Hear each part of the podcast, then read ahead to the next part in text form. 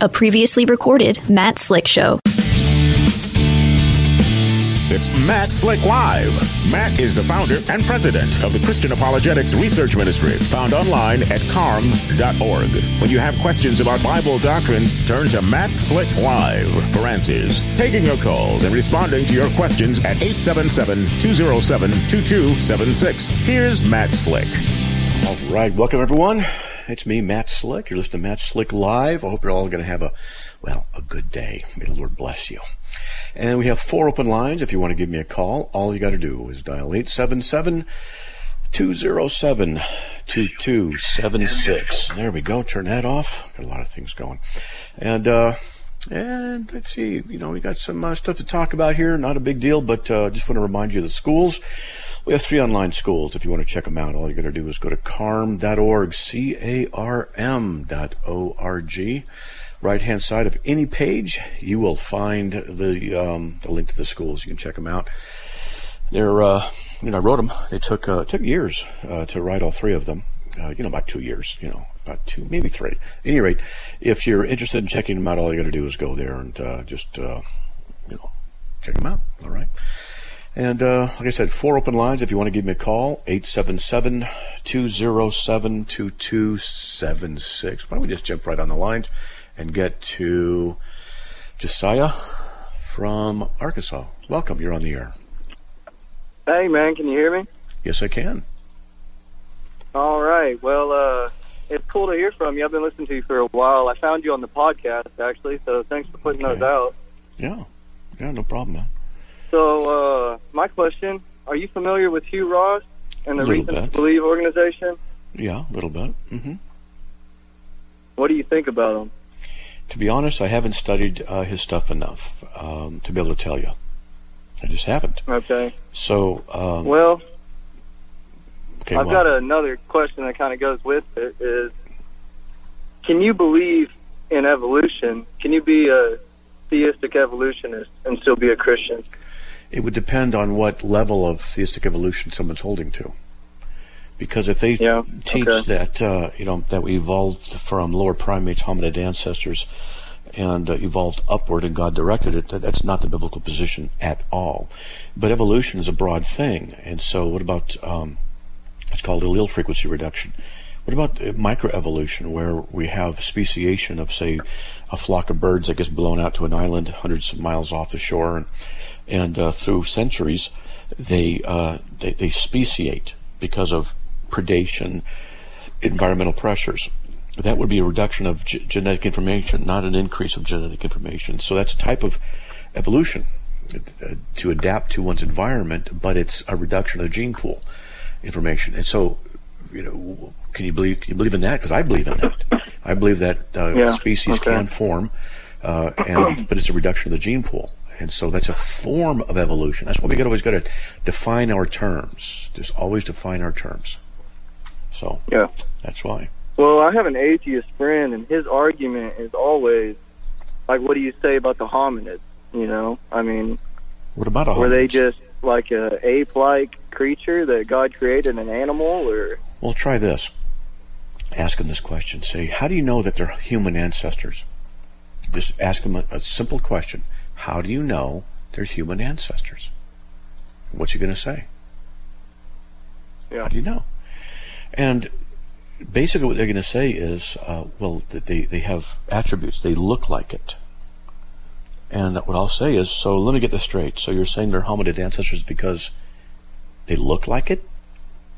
That's it? yeah, that's not scientific.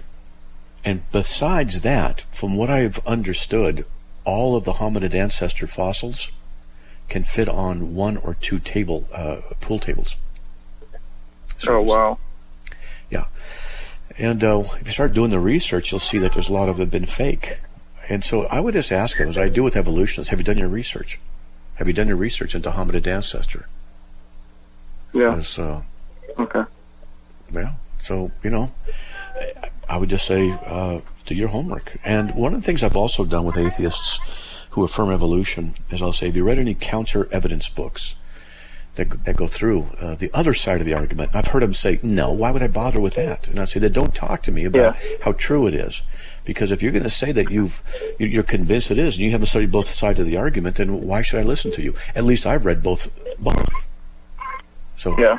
you know, Okay. all right. You got a baby in the All background here, huh? yeah, my daughter's back here acting crazy, but man, I appreciate you answering me. And I on one of your podcasts I was listening to, did you say you got a brother in Clarksville, Arkansas? Yes, he's just moved there. I'm in Clarksville. That's so funny. Wow.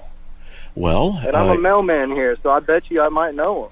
Well, his name is Eric, and he just moved there a couple Eric weeks Slick. ago. Eric Slick. He's I'm the smallest in my family of all, my two brothers. And I'm six feet tall, Yeah. 220 pounds, and he's like six two or three, close to like 280. And Yeah. yeah then What we do have you do brother. for a living? He's a uh, programmer, and he makes a Okay. ton of money. Yeah, he's told me how uh, he's a game programmer. He's told me how people will, will, will uh, call him up and they want job, want to offer him a new job. In fact, when I visited him in L.A. once, phone rang. He goes, "Ah, just another headhunter," and he just hangs up on him. And uh, they so offer funny. him two hundred a year and stuff like that. Yeah, he's has this yeah, ability to crazy. to do good work and be able to communicate with the nerds. So Yeah. yeah, that's what he does. It's crazy. You said Clarksville, Arkansas. It's like That's- the that's where he middle just of moved. nowhere, you know. Yeah, Yeah, it's awesome. He just moved there. Man, I'll let you go. It's good to hear from you, and I appreciate you. All right, man. Well, God bless, buddy. All right. Thank you. Bye. Okay. Hey, folks. Excuse me there. I had to clear my, clear my throat. We have nobody waiting online. Why don't you give me a call? 877-207-2276. Let's talk about evolution a little bit because we don't talk about that very often. Uh, I would suggest uh, that if you are interested in studying the topic, get books on intelligent design. If you know anything about intelligent design, it's probably because it's been ridiculed in uh, the media. The reason, this is my opinion, the reason it's been ridiculed in the media is because it's potentially dangerous to secularism. Intelligent design, uh, what it does is it postulates information development and encoding and patterning inside of biological structures. And how does it occur? And where does it come from? And there are things that are such things as, as irreducible complexity. And uh, evolution has a evolutionists has a have a huge problem uh, trying to explain irreducible complexity. For example, let me give you something. This is all true. The woodpecker. You guys know what a woodpecker is, right? A woodpecker's tongue, the tongue of a woodpecker, goes down its throat, leaves its mouth area, travels back down by the neck bones, back up to the back of the head, and travels between the scalp and the skull. And there's a groove in the skull for the tongue to fit. It goes right up the top of the head, down between the eyes, and then enters in through a nostril, goes down into the mouth. And that's the tongue. Now, the question is, how does evolution explain that? Because the, the idea of a woodpecker being able to have a long tongue to be able to peck holes in a tree and some something, and then take its tongue and um, eject it way, way into cavities, to be able to get bugs. So evolution, what it says is that mutations, varying forms of mutations, what happens is they um, they cause, like for example, the tongue to get longer. Okay, great. Well, that means they can survive better because they can reach further into cavities of, of dead trees and get bugs. Well, how do you explain the idea that a tongue gets stuck down the bottom of the neck? Uh, how does that help? How, how does how does that help in survivability? It it certainly doesn't. You know, I could just see uh, an evolutionist trying to explain this kind of, and they've tried with the woodpecker, and the things that they do. Oh man, it's just gymnastics, verbal logical gymnastics, trying to make it fit. Well, what's most logical is it was all designed and put in place because you have to have the groove in the skull, you have to have the neck muscles, you have to have the vertebra uh, constructed a certain way. You even have to have eye sockets with padding in them so the eyes don't blow out. from the, the head going back and forth. You have to have cushioning in the brain area. All this has to be simultaneously there in order for this to work, and all of it can only work if the tongue goes up back of the head, down through the nostril, and out the beak. So how does uh, how did evolution explain this? Well, they, they can't.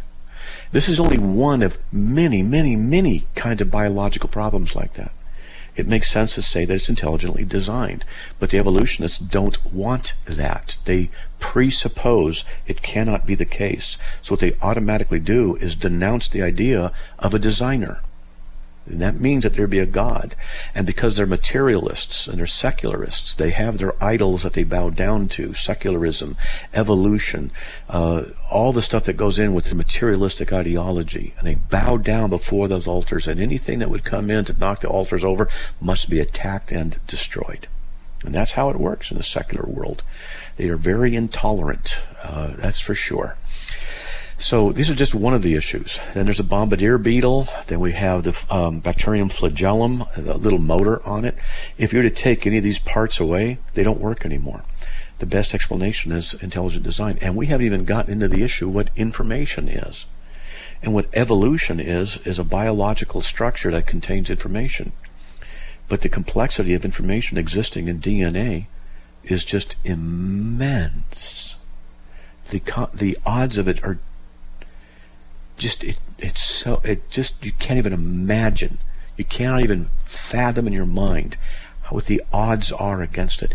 If you were to look at every single atom in the universe every one of them the, the entire universe, all the th- millions and millions and millions and millions of galaxies, full of hundreds and hundreds of thousands of stars and planets, and all the atoms that are in the entire universe and those objects, and the dust in between, and all the matter that's out there in space, all the atoms, like one in 10 to the 80th, like a one with 80 zeros. That's how about, about how many particles are out there, they estimate.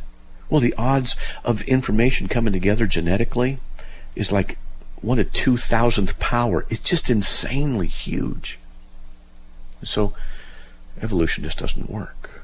It does not work. It cannot work. Um, there's a designer. His name is Yahweh, and he became one of us in the form of Jesus Christ.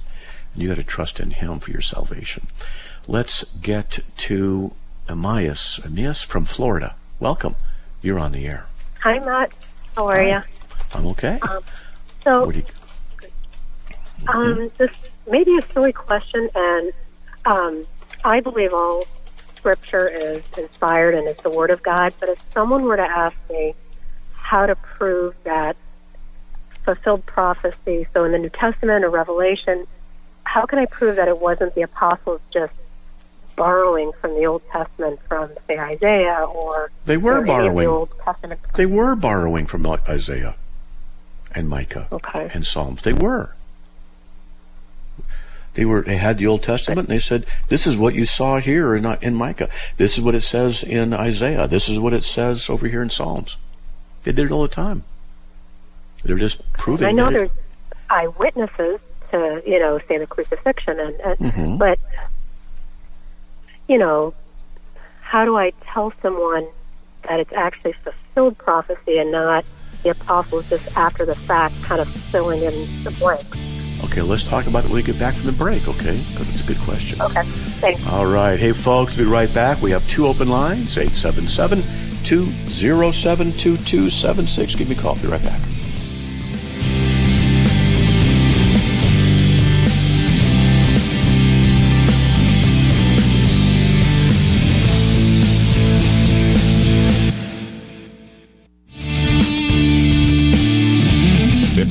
Slick Live, taking your calls at 877-207-2276. Here's Matt Slick. All right. Well, welcome back to the show.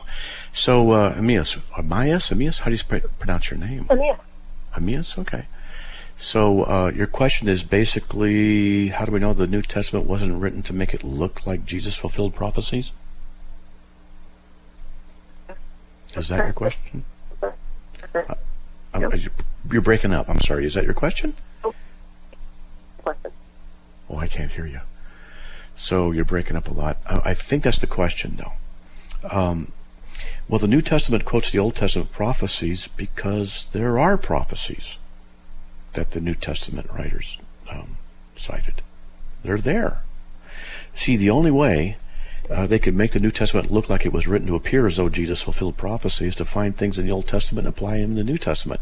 They can do it because the prophecies are there.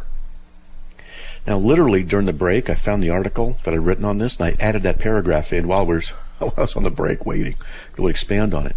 But that's just it. They can do it because the prophecies are there. Are you still there? Are you with me? Okay. One of the things I'll do when they say, I'm sorry. Go ahead. What? How do you? I Can't I can't understand you. You're breaking up so badly that it's it's uh. No. Why don't you call right back if you want, um, or move to a different part of wherever you are because we can't understand you. Try it again. Let's just see if it's any better now. You there? What if No. Nope. Can't understand you. Call back, okay, if you want. We'll we'll get uh, in, we'll get to the top of the line, okay? And I'll I'll uh, talk about this a little bit. Okay. So, uh, folks, when people have told me, well, the New Testament writers just made it look like Jesus fulfilled prophecies. Well, okay, and how are they able to do that? How are they able to do that? By going back to the Old Testament and finding stuff, right? That's how they would do it. They have to look in the Old Testament and say, see, he did that. And then you, uh, what I'll do is I'll say, well, l- let's go here, let's go here, uh, where it says, I'll read them something. Be not far from me, for trouble is near. For there is none to help. Many bulls have surrounded me. Bull, strong bulls of Bashan have encircled me. They open wide their mouth at me as a ravening and a roaring, roaring lion. I am poured out like water, and all my bones are out of joint. My heart is like wax, it is melted within me. My strength is dried up like a potsherd, and my tongue cleaves to my jaws. And you lay me the dust of death. For dogs have surrounded me. A band of evildoers has encompassed me. They pierced my hands and my feet. I can count all my bones. They look, they stare at me. They divide my garments among them, and for my clothing they cast lots. And I've asked uh, critics, I said, what does that sound like? And, you know, they'll say, well, like, like you've just been crucified. I said, yeah, because uh, that was written 2,000 years before Christ was born, and he quoted that psalm uh, on the cross. My God, my God, why have you forsaken me? Psalm 22, verse 1. And, um, well, then we'll come back to, with, generally they'll come back with the idea, let's see if it may is still there to get a better connection. Are you still there? Yep, I'm here. Can you hear okay. me? Yes, we can. Let me finish this thought and, and see if we're on the right track. And so sometimes what they'll say is Jesus didn't do anything. He didn't really do anything. They just wrote it so it looked like it's ful- fulfilling prophecies. Well, what that would mean is then that they're admitting the Old Testament has prophecies. That's what it would mean. Plus, then how would they explain other issues? If it's the case that the New Testament writers invented Jesus, made it just look like he fulfilled stuff, then please explain why they would do that when it would cost them their lives, when it would cost them their families, when the Roman Empire would go against them, when the Jewish people would go against them. I could just see a bunch of them in a room saying, hey guys, I got an idea. One guy goes, what? What's your idea? Well, let's make up this character called Jesus, and let's say he fulfilled a whole bunch of Old Testament prophecies and I get to see his buddies going, Are you kidding? Well, what prophecies? Well, let's go over here about being crucified. Let's go over here about being born in Bethlehem. Let's go over here about 30 pieces of silver. Let's just say that he fulfilled all these things and that he's the Messiah, as the Bible talks about, the, the prophecies. Well, then the guys would say, uh, Are you out of your mind? You what they'll do to us if we start teaching this? They will seek to kill us. Because in Rome there was Caesaropapism, which is emperor worship, and all of the empire was supposed to bow the knee to to uh, uh, the emperor, to Caesar, but the Jews wouldn't do it, and so the Romans let them have their own little worship as long as they were under control. Out there in the far east of the Mediterranean Empire of the of Rome, and so they had a puppet leader, puppet ruler in Israel and the Jews were working with a puppet uh, leader in order to uh, keep the peace so that the Roman garrisons wouldn't come in and clean uh, Israel out. And so they didn't want any problems. So in, this would mean that if it, these guys just made it up, that uh, they would be teaching about how to be honest and loving and sacrificial all the time while lying and risking their lives for it. It just makes no sense. So anyway, Amy, so you're still there?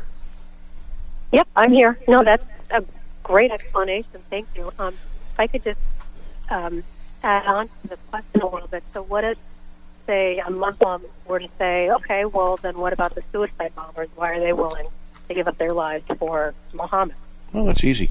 The suicide bombers give up their lives for what they believe. The uh, the uh, the disciples gave up their lives for what they saw. That's different. Because the Okay. disciples saw the risen Lord Jesus. It's different than just having a belief. Because varying people have varying degrees of belief for all, all kinds of reasons. But that's not the case with the disciples. They saw the risen Lord. Now, I'd ask Okay. them, ask the Muslims, have you seen the risen Lord Jesus? Have you seen Muhammad rise from the dead? Have you seen any things? Or are you just believing because you've been told? Which is it? And that's the difference, okay? Okay. No, that. Thank you. That's really helpful. All right. Well, you're welcome. Thank All right. Okay, God bless. All right, let's get on the phones with Tom from Des Moines, Iowa. Tom, welcome. We lost you. And I, I hit the wrong button. Every now and then I do that. I hit the wrong button. I just hung up on Tom from Des Moines. So, Tom, call right back and we'll get you uh, right back at the top of the stack. It's my bad, buddy. Uh, I goofed up on that one. Let's get to Steve from Utah. Steve, welcome. You are on the air. Hello, Matt. How are you today? Doing all right. Hanging in there. What do you got, buddy? Hey, I was uh, I'm kind of wondering on what your take is on uh, old Earth versus new Earth, old universe versus new universe. Um, how do you reconcile that? I've been a Christian for about four years now, and I still, and I'm a major science too. Ooh, So, good. Um, but I'm an I I'm an old Earth guy, and How old? I don't know if like four billion year old Earth, Okay. and not the six thousand year old Earth that I hear people talk about because I just don't see how that could be. You know, I mean, I understand. You know, God created all this stuff and everything else, but it took, I believe it took place over billions of years, not thousands of years. Well, I tell you what. What I would do is hold on for after the break, and then I'll tell you. Okay, so hold on, Okay. buddy. All right, we got a break, folks. Hey, we got one open line, 877 207 2276. We'll be right back.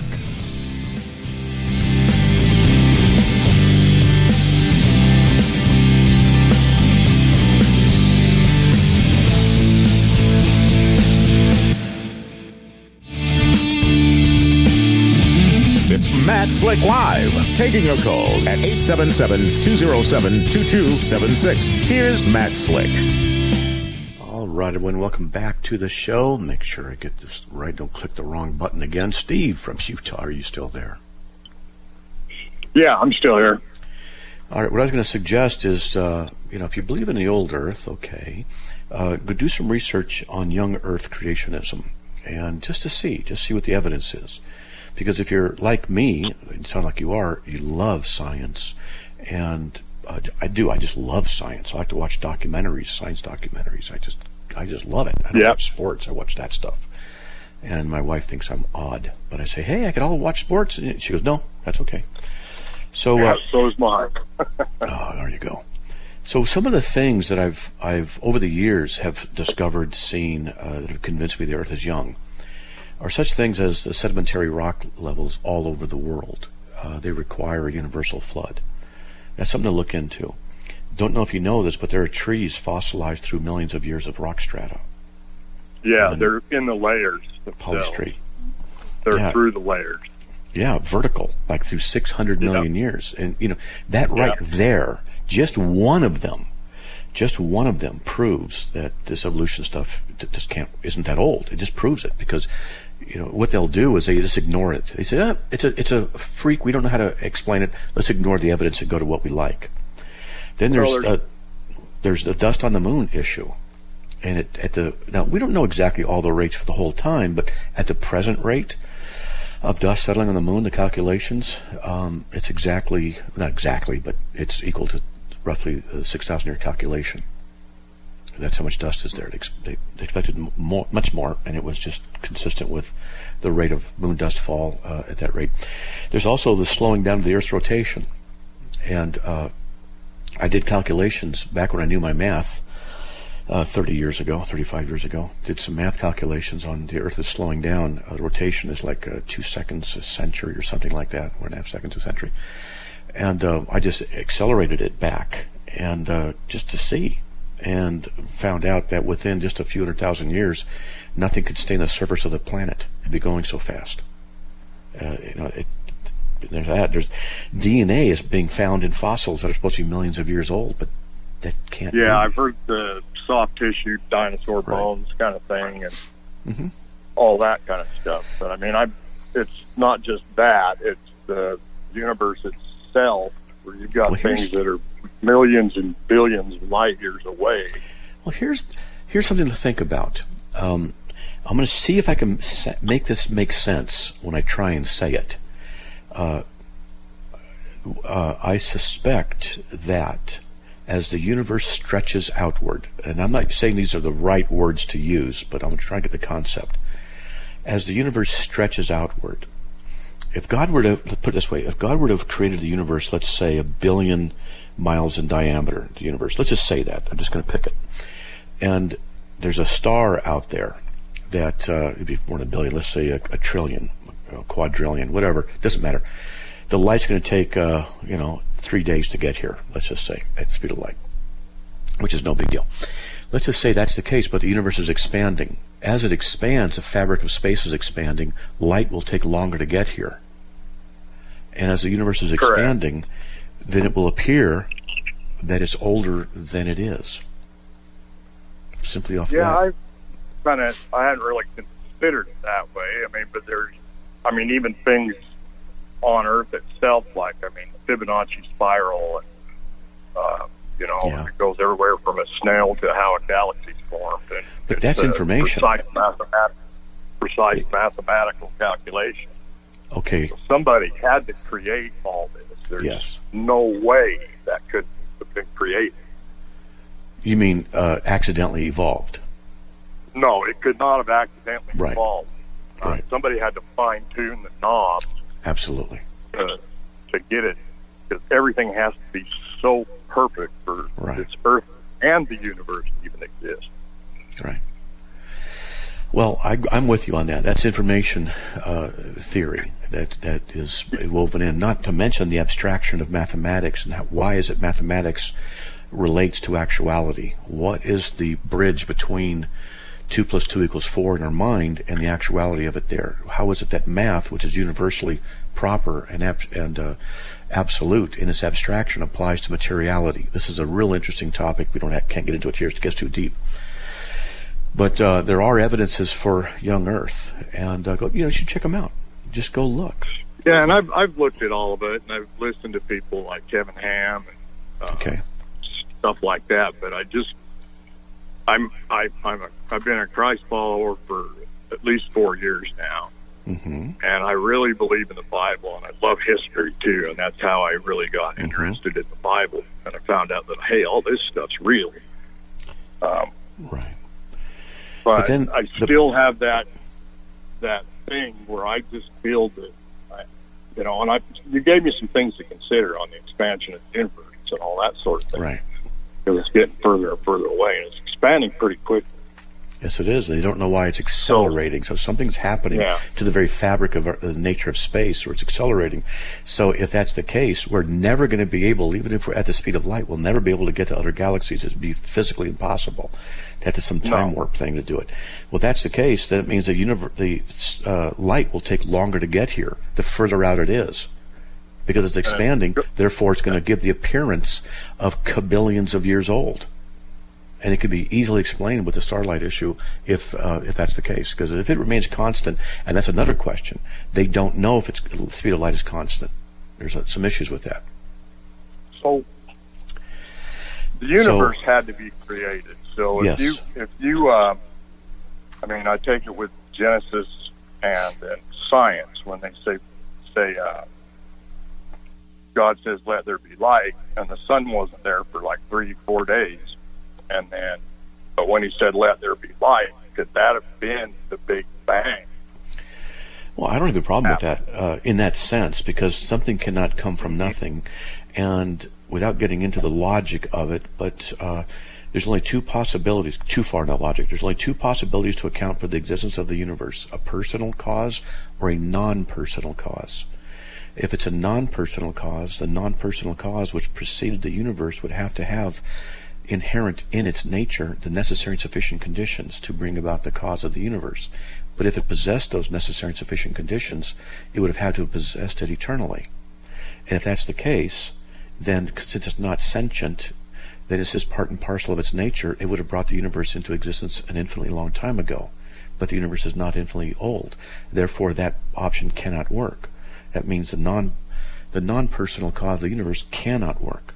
It's impossible, logically impossible. No, I, I, I personal cause. totally believe that. Right. Believe that because of the odds of everything happening. It is impossible. Right. Uh, and there So- was for a long time there, I was pretty much agnostic for quite a while, and uh, got going into learning about Christ and stuff like that, and going through some of the history of it. Uh, I was amazed. So I became a believer, but I still, I still have that. I I'll tell you what. I have that. I'm, I'm going to recommend a book. I'm going to rec- recommend a book for you, okay? And Mhm. uh, I think it'll be worth it. Starlight and Time by uh, Humphreys. Okay. Yeah, time's a whole other issue. Well, but that's it's critically important. Yeah. So in this Yes, issue, so just look up uh, Starlight and Time by Russell Humphreys. You can get it on Amazon. Just start reading through it. Okay. okay. All right. All right. Okay, I'd buddy. Like, I'd like to do that. So I appreciate it, Matt. Okay. No problem, man. Thanks. All right. Thank God you. bless. Okay. God bless you. You too. All right, let's get over to Matt from Minnesota. And we lost Matt. He must have been an intelligent and humble guy because his name's Matt. Let's see. How about uh, Robert from Salt Lake City, Utah? Robert, welcome. You're on the air. Yeah, hi, Matt. My question deals with Catholicism. And I'll just start by saying that I love my Catholic brothers and sisters. This is not to challenge the faith, it's to understand. So, my question is two pronged, Matt. Number one, why, when the scriptures tell us, call no man father, but your father in heaven, and yet the priest is called father? And then the other part is Virgin Mary is placed in such high regard, there seems to be more emphasis on the Virgin Mary, as as far as I can tell, than Jesus Christ. Well, let, let's get to one at a time. Let's do the first thing. Uh, you're Sure. right about the issue of call man no man father and why Jesus is saying that. Of course, we recognize we have I have a dad and call him my father, but it's not talking about that in that context. It's talking about the the spiritual issue of authority and uh, supremacy. And don't do that to anybody other than God. It's a form of idolatry, a subtle form, but it is. The Roman Catholic Church is guilty of it, and it's guilty of it on the same page as the issues of Mary. And uh, I believe that the reason they focus on Mary more than Jesus is because they're unregenerate uh, people on their way to hell. And because of this, they don't understand the truth of the gospel and the person and work of Christ, so they're idolaters at the heart. Now, I just had a lot. There's a break. Hold on. We'll be right back, folks, after these messages. Give me a call to open lines 877 207 2276. Be right back.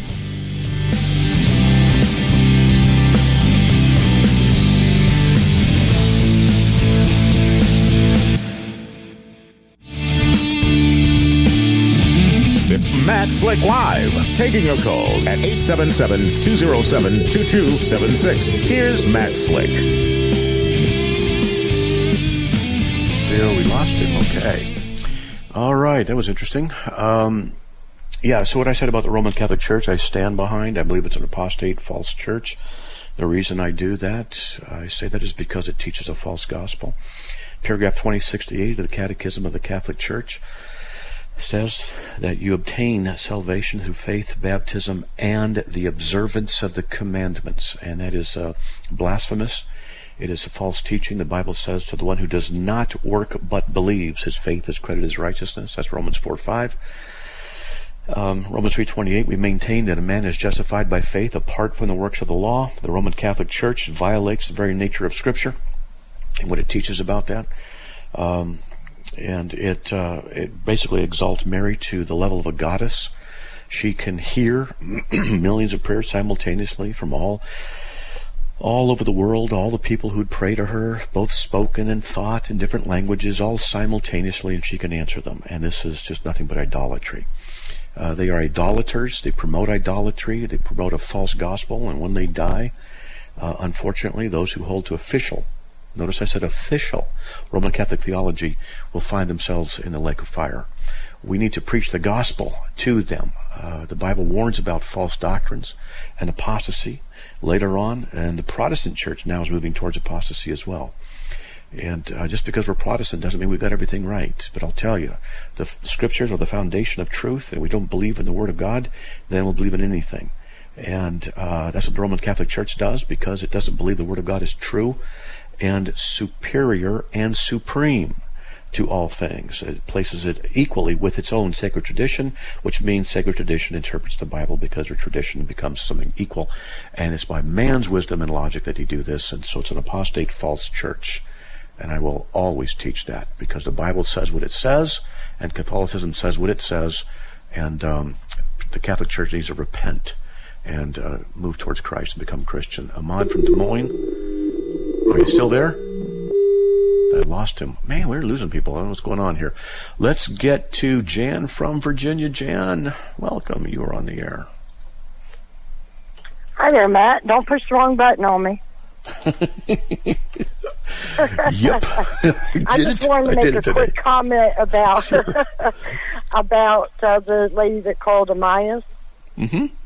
I have uh, been asked that question many times, and um, I believe that the surefire way to know they're telling the truth is it would be very rare for 12 people to experience the exact same situation and then many years later write the same details over and over again, even though they haven't stayed together to compare notes and keep their story straight. Yeah, that's a good point. And even at the worst of their lives in jail and prison and being, mm-hmm. you know, stoned and everything that they went through. Yeah. Their stories were always the same. Yep. They're the same, and uh, it changed their lives. Uh, what would cause somebody to change their life to such a degree they die for it? Well, the Muslims will say, well, the, you know, an atheist will say, Muslims believe, and they die too. But the difference is, like I said earlier, the eyewitnesses died for what they saw. And that's what they said. We saw this. That's different. That is different. And they never changed their story. That's right. Ever. That's right. It stayed the same forever, no matter the circumstances. That's why I truly believe that disciples were real. They did see what they saw, and we should believe it. Amen to that. I agree with you. All right. And I enjoy your show. Thanks for letting me come on and talk with you. Good. Now I'm going to hit the correct button and drop you here in a second. So Just giving you heads up. Okay. Bye. Have a good night. you too. All right, Jan. God bless. Okay, here we go. Click. Boy, I guess I, sometimes I get button challenged. All these buttons. All right, let's get to James from Canada. James, welcome. You are on the air, buddy. Hi, Matt. Thanks for taking my call. Yeah, you're welcome, man. Um, I have a uh, sorry if there's a lot of noise. I'm driving my truck right now, but uh, I have a quick question about a personal situation that's come up, and I'm looking for some advice. Okay. Um, with the whole economic situation, with the lockdown, me and my wife are looking at uh, moving moving out of the city to a small village where my father actually lives right now, mm-hmm. and I'm just two years reform a reformed Christian. I came to okay. understand Reformed doc theology about two years ago. But my father is a uh, Pentecostal uh, Assemblies of God okay. minister. Oh, and so boy. we had a discussion. yeah, we had a discussion. He's got Uh-huh. the fundamentals Yeah. about uh, salvations by grace through faith, Yeah. good, but the Pentecostal distinctives are a big issue. And I mentioned to him today that I would probably be looking at commuting to another community to go to church. And that really affected him, hurt him. As though, what, what kind of, I, I'm not sure if in good conscience I could attend his church, even though I can still call him a brother in Christ. Right. And I'm not sure how to navigate this. You just did. You say to him, in uh, according to what I believe and what I believe before my Lord, I can't in good conscience go and and do such and such. He can't argue with that because it's it. He would not want you to violate your conscience before the Lord. Okay, Right. that's what I would say. Yeah, his his main concern, yeah, his main concern and my main concern with that decision would just be the effect it would have on the village, seeing that the past the son of the pastor of the only church in the community wants to go to another church, and Well, I'm. I'm sure there's a way to navigate that. Yeah. Sure, there is. You know, um, uh, so I'm Reformed also, and I attend a non-Reformed church, and I navigate it fine by not bringing those issues up in that context. Uh, I don't do that there because it's not what I'm there to do, and uh, they're my brothers and sisters in Christ. So. Uh, that's it. You could just say to everybody, hey, we're still brothers in the Lord. And the Bible says in Romans 14, 1 through 12, Romans 14, that each man be, must be fully convinced in his own mind, and that's what we're doing, and we still love each other and still Christians. And that's it. And just say, I'm reformed in my theology, and he's not. And someone might say, well, what does that mean? And then you can start teaching them Scripture. Okay, so my conscience before God, you would then say my conscience before God regarding doctrine is more important than how my father interprets honoring my father. Well, you, to honor your father, uh, what does it mean? To do everything he says? Is that what it means? Right.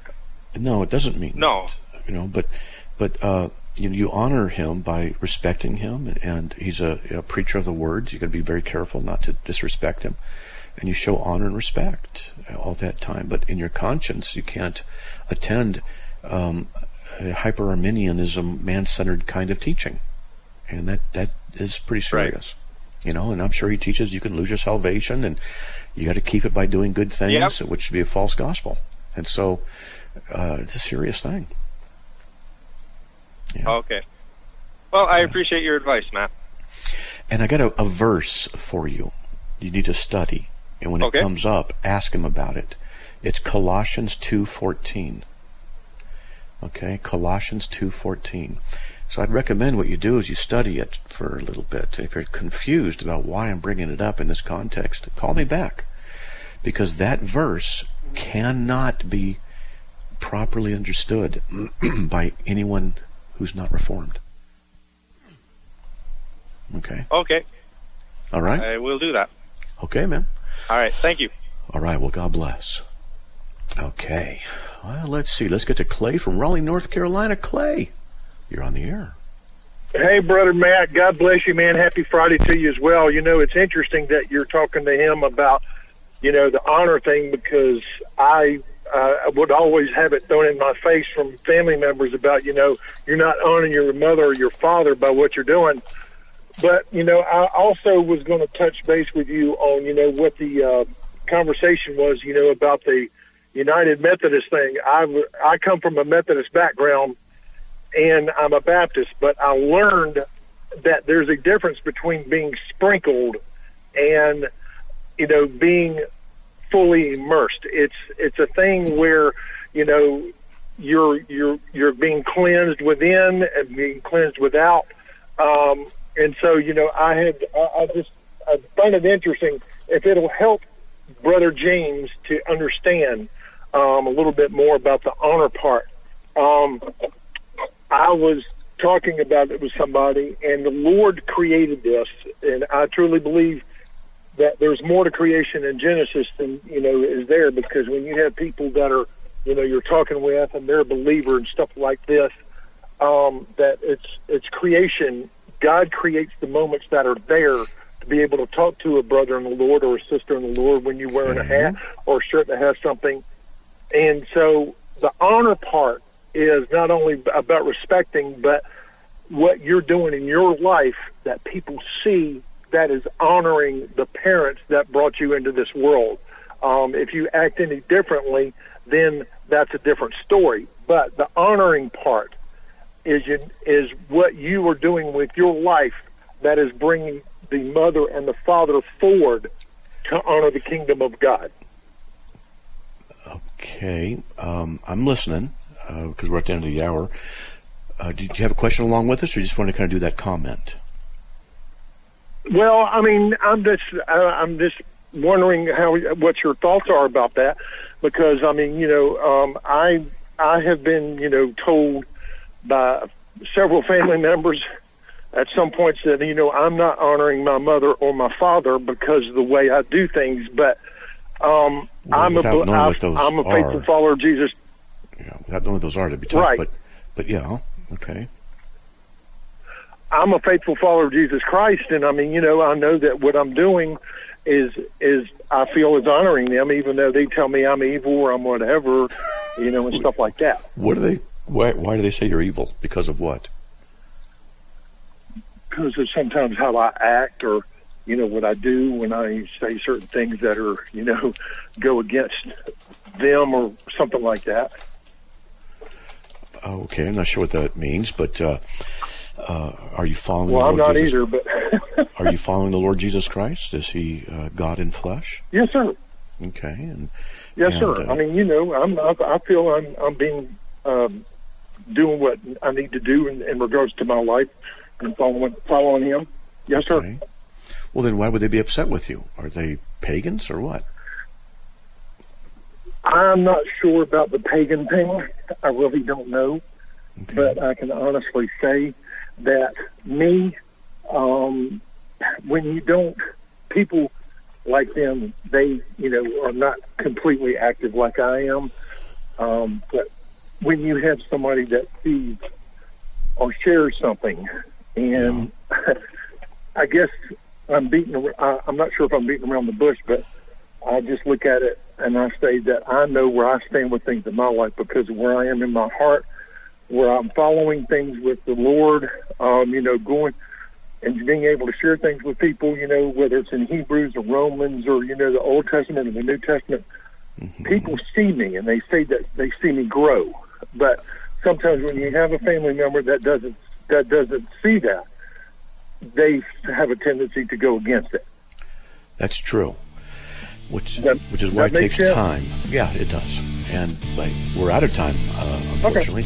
But uh, I hope you have a great weekend. Okay. Okay. Well, thank you, brother. God bless you, man, and thanks for taking the taking the call and taking the time to listen. No problem, man. God bless. Hey, folks, we are out of time, and uh, I will be back on the air on Tuesday, taking Monday off because of the holiday. Have a great weekend, folks. God bless.